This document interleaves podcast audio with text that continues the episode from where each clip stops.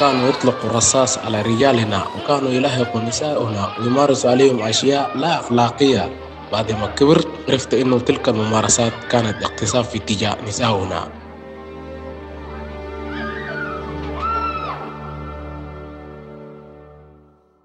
لم يكن أحمد يعقوب قد تجاوز العاشرة من عمره بعد حين شهدت عيناه كما يقول. حرق قريته واغتصاب نسائها. عمري ده حياتي كلها قضيتها من بلد للبلد عبر الصحراء أتمنى أقطع بحر الأبيض المتوسط. البحث عن الأمن والاستقرار سيكلف أحمد الكثير. من سجون الحديد والنار إلى قضبان تاجوراء رحلة موت عبر الصحراء. وسنوات من العمر تضيع هباء. قصة الشاب السوداني أحمد يعقوب في حلقة جديدة من بودكاست فصول. مروى وشير اعدت الحلقة وأنا أحمد خير الدين. مع نروي فصول الحكاية.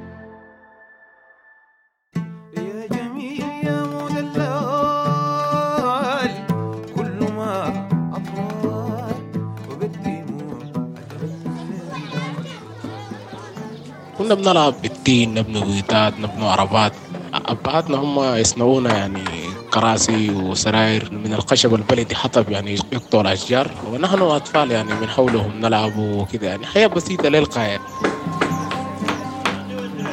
نساؤنا كانوا يجتمعوا شكل مجموعات يقوموا بأنشطة بلدية يصنعون مفروشات من السقف وأغطية بتاع بعض المواد المنزلية. هم دائما يشكلوا لوحة جميلة في منازلهم بالمفروشات البلدية وبالأغطية الجميلة. في فبراير من عام 1992 ولد أحمد عبد الله آدم يعقوب بقرية تاندي التابعة لمحافظة القدارف شرقي السودان. ونشأ وسط عائلة كبيرة تتألف من 13 شخصاً. كانوا يعيشون في بيوت قطاطية.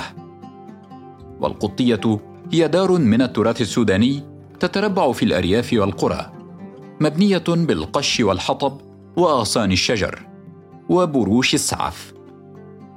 مسافة بين المدرسة والسكن ما يقارب 2 كيلومتر ونص يعني. نحن كنا نسكن في غرب المنطقة. المدرسة كانت في شرق المنطقة لذلك كانت أمي يشيلني في ظهره يعني يوصلني للمدرسة. ما بين المدرسة والبيت مسافة كبيرة. وكان لأحمد عم يحمله على ظهره لإيصاله وإرجاعه يوميا. رغم بساطة المعيشة عاش أحمد بداية طفولة هادئة مستقرة. إلى أن جاءت الحرب وسرقت منه ما تبقى من تلك الطفولة. العام 2003 واليوم خميس. كان يوم الخميس الأسود.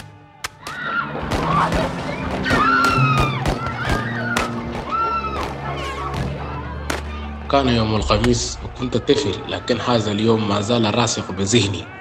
ما زلت أتذكر كيف هاجمت ميليشيات جنجويد قريتنا.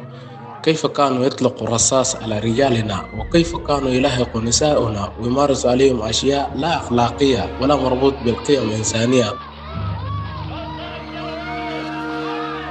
بعد ما كبرت عرفت إنه تلك الممارسات كانت اغتصاب في اتجاه نساؤنا وقتل أبرياء أمامنا.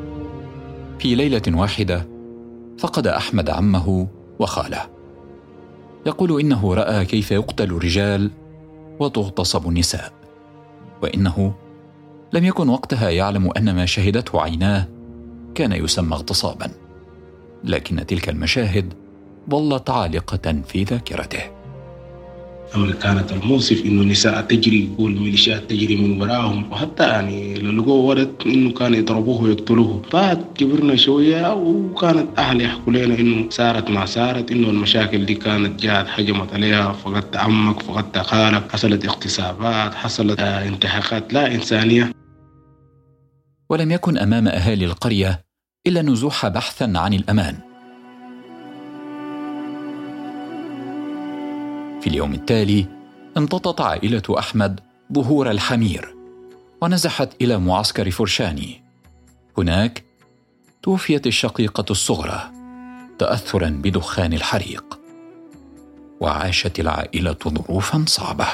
العشية يوم الجمعة كان عندي أختي كانت مريضة وأثر عليها كانت الحريق والدخان الحريق. توفت بقت في يومها. في المعسكر الفترة اللي قعدنا فيها ما ما يفيد أكثر من أربع شهور. نسبة للظروف الاقتصادية كانت صعبة وكانت والدي كانت ما معنا. والماء الماء المحل اللي نشرب منه المياه يعني بعيدة من المعسكر.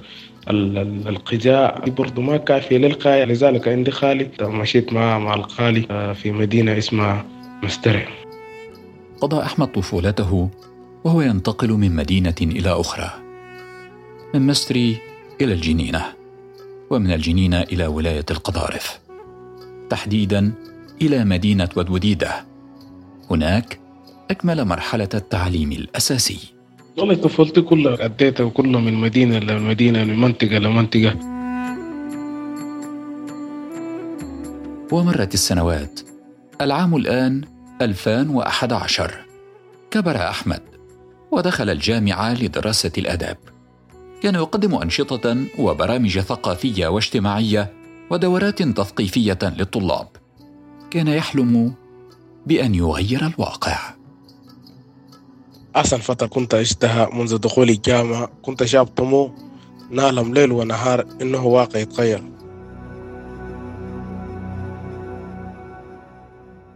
لكن الواقع ازداد سوءا. يقول إنه بسبب نشاطاته وانتمائه لقبيلة معارضة للحكومة السودانية تعرض للاعتقال. الحكومة السودانية كانت ترفض الروابط القبلية كانت تقدم نشاطات على مستوى الجامعة وكنا مصرين إنه ننقل ال- الأشياء التي حصلت على مستوى الإقليم نربط الواقع الشيء اللي عشناه. محاولات أحمد للكشف عن الواقع الصعب الذي كان يعيشه أهالي السودان في فترة حكم عمر البشير كانت سببا في اعتقاله ثلاث مرات. عام 2012 في جامعة النيلين وفي 2013 حين كان يدرس في جامعة الخرطوم بعطبرة بلد الحديد والنار. في السجن يقول أحمد إنه تعرض لأبشع أنواع التعذيب.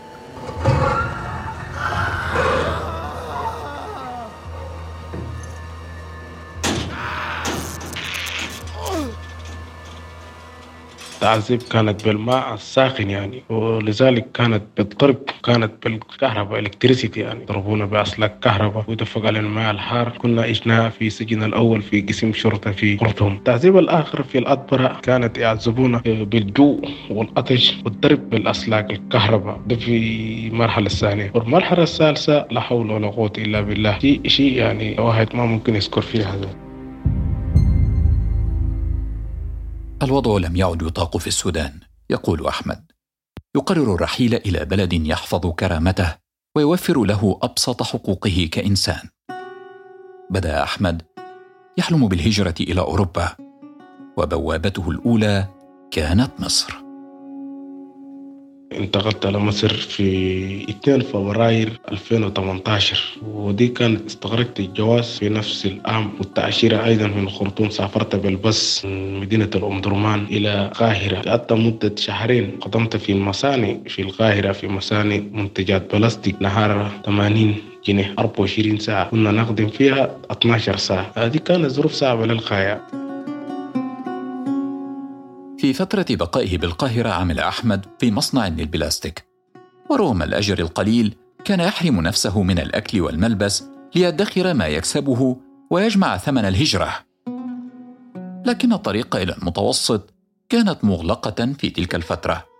فقرر الرحيل والمحاولة من بلد آخر وكانت بوابته الثانية ليبيا.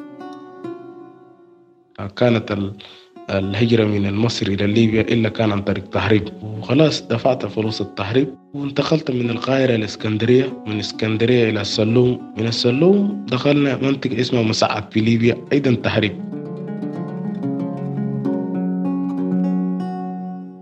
بسبب الأوضاع في ليبيا لم يكن من سبيل للانتقال من مصر إلى ليبيا إلا عبر التهريب.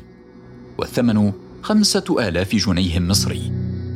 كان على أحمد أن يقطع اميالا من السلوم على الحدود الليبيه إلى مساعد مشيا على الأقدام. وعند وصوله وجد استقبالا مهينا. وأكثر من 200 شخص يعني. علينا معنا نساء والأطفال والليبيين كان استقبالهم مر للغاية يعني. من يوم الاستقبال كان الاستقبال بالدرب ومن مساعة مرحلتها إلى مدينة طبرق ومن طبرق مرحلتها إلى مدينة أجدابية. كلها كانت تاريخ والفترة قعدت في أجدابية 17 نهار أيضا خدمت أعمال حرة يعني في المحطة. والفترة اللي خدمت فيها لميت شوية مصارف مرحلتها متجهة إلى طرابلس. في الطريق كان شدوني آه، ميليشيات في مدينة جفرة. أديت فيها خمسة نهار والخمسة نهار أدينا فيها كلها غسيل دبش بتاع آه، أفراد. الشرطة كانت موجودة على مستوى القسم. غسيل السيارات أطلقونا. اتمرحلت إلى مدينة اسمها ودان من ودان آه، اتمرحلت مدينة آه، مصراتة إلى طرابلس تحديدا منطقة مرازيق عند قدومه إلى ليبيا كان أحمد يبحث عن بوابة للهجرة إلى أوروبا. فوجد نفسه يعيش المعاناة ذاتها التي عاشها في بلده. يقول بل وأكثر. إذ تعرض للتعذيب في السجون الليبية. وحريته كانت رهينة فدية تقدر بثمانية آلاف دينار ليبي. كانت وظيفة في ليبيا قاسية للغاية يعني. واحد ممكن في بعض الأشياء يذكر وفي بعض الأشياء ممكن يتحفظ نسبة لكرامة كرامته يعني. كانت الليبيين يعذبونا في السجون أيضا بأسلاك الكهرباء بالماء الحار بالجو والعطش أيضا يعني يولوا فيك بلاستيك. بلاستيك كان يولوا فيها نار يعني يخط على ظهرك يولي فيها نار ويطلبوا منك الفدية يعني. يقول لك اتصل لأهلك يخلصوك مرات يتمنوا 3000 ليبي 5000 ليبي 5000 ليبي لو تحسبها بال عملة سودانية كانت فلوس كثيرة للغاية يعني كانت أثر تعذيب واضحة يعني واحد على جسمه يعني. حين جاء عام 2019 خرج أحمد من السجن واتجه إلى منطقة قاربولي المطلة على البحر الأبيض المتوسط. هناك دفع للمهربين 2500 دينار ليبي وركب القارب أملا في بلوغ أوروبا. لكن القارب لم يحمله إلى أوروبا بل إلى سجن تاجوراء شدوني خفر الصواري الليبية ورجوني إلى سجن اسمه سجن تاجوراء وإذن في السجن أنينا ما أكثر ما أنا كانت بالجو والعطش الماء المالحة وكانت فيها ضرب. هرب أحمد من السجن لكنه وجد الحرب قد اشتدت في ليبيا فقرر الرحيل إلى بلد آخر لعله ينجح هذه المرة في تحقيق حلم الوصول إلى أوروبا. بوابته الثالثة كانت تونس.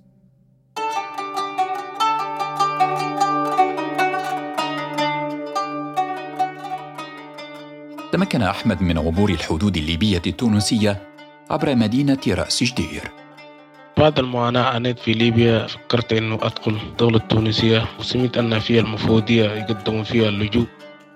وجاء الفرج في سنة 2020 تحصل أحمد على بطاقة طالب لجوء واستلم حق الإيواء كما مكنته المفوضية من منحة شهرية قدرها 100 دينار تونسي.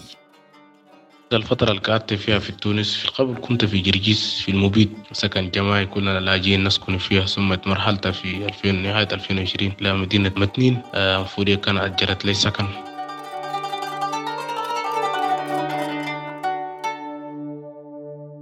لكن الفرحة عمرها قصير.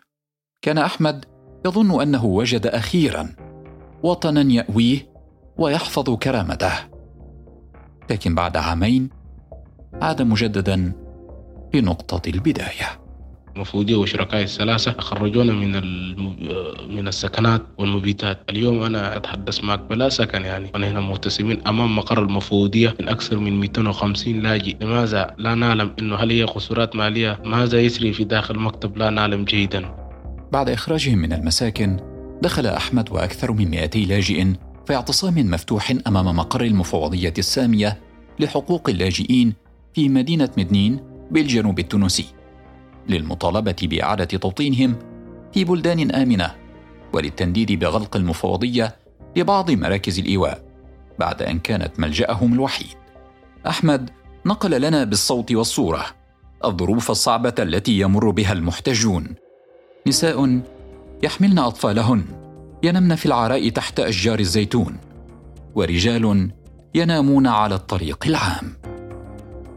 يطالبوا بإجلاء فوري من هذه الدولة. نسبة لتملص المفودية وشركاء الثلاثة. أنا لا أحمل المسؤولية للحكومة التونسية ولا للمواطن أنه هم يستقبلونا باستقبال حسن منذ دخولنا للدولة التونسية. لكن أكثر من 200 شخصي ينرمون في العراء في الطريق في سانكو مدينة جرجيس أمام مقر المفودية سايمون وتيد لشؤون اللاجئين. فما أسر أطفال صغار. حالات مرضى. آه ما عندنا أي مقيم. حتى الحمامات بتاع الحم قهاوي نمشي ندخل فيها غاد يعني المسألة صعبة للغاية فودية ما رأت لنا أي حلول We are refugees. We need immigration. We need evacuation. Welcome, welcome, USA. Welcome, welcome, USA. Welcome, welcome, United Nations. Welcome, welcome, United Nations. Welcome, welcome, human rights. Welcome, welcome, human rights. تواصلنا مع المسؤولة في مكتب المفوضية السامية لحقوق اللاجئين في تونس للتعليق على شكوى اللاجئين المعتصمين. السيدة إكرام الهويملي ردت علينا كتابة بالقول: إن المفوضية في تونس تواجه قيودا مالية منذ مدخل العام 2022 ما دفعها للقيام بتنقيحات على برامج المساعدة الحالية خاصة مع تزايد عدد اللاجئين وطالب اللجوء الوافدين إلى تونس بنسق متواصل. تضيف السيدة أن المفوضية توفر الإقامة للاجئين وطالب اللجوء المعرضين للخطر، تحديدا أولئك الذين ينقذون من البحر، وذلك لفترة محدودة من الوقت. وبعد فترة معينة يتم إعادة تقييم وضعية الشخص المقيم في المبيت، وإن تم الجزم بأن معايير الخطر أو الضعف لم تعد موجودة، يتم تزويد الشخص بمساعدة نقدية شهرية لمدة ثلاثة أشهر لتمكينه من الاستقرار خارج الملجأ، كما يتم إحالته إلى الإدماج الاقتصادي. الهويملي تحدثت أيضا عن مصير اللاجئين الذين يتم رفض مطلب تمكينهم من اللجوء. تقول: يطلب من الشخص المعني مغادرة المأوى للتمكن من مساعدة الأشخاص المستضعفين الآخرين الذين هم بحاجة إلى الحماية الدولية. وأحمد واحد من هؤلاء اللاجئين بات بلا مأوى يهتف لا للاندماج القسري أفتكر إنه حياتنا في القطر حلمنا ضايع يعني لدينا مستقبل يعني ما ممكن الليلة يحتجزوا في سجون مفتوحة. الأعمار تتزايد. هذا انتهاك والعنف في اللفظ والتمييز والاستهداف وهذا من قبل الموظفين يعني. عندما تقول له نحن لاجئون بشر زيكم لا يقول لهم أنتم لاجئون يعني. نحن لاجئون ما بشر ولا شيء فلذلك نطالب بإجلاء فوري. لا الاندماج القسري في الدولة التونسية. في عام 2021 غادر 76 لاجئا تونس إلى دول ثالثة. وفي العام ذاته تلقى مكتب المفوضية السامية لشؤون اللاجئين في تونس 146 مطلب إعادة توطين فيما ينتظر 124 شخصا اتخاذ قرارات من جانب بلدان إعادة التوطين. هذه الأرقام مدنا بها مكتب المفوضية في تونس. وأحمد واحد من هؤلاء. ينتظر مصيره المجهول. هذه تحيات مروى وشير وأنا أحمد خير الدين. مع نروي فصول الحكاية. بودكاست فصول. مع نروي فصول الحكاية. استمعوا لبودكاست فصول على تطبيقات البودكاست. أبل وجوجل وسبوتيفاي وساوند كلاود. وعلى الحرة dot com وأثير راديو سوا.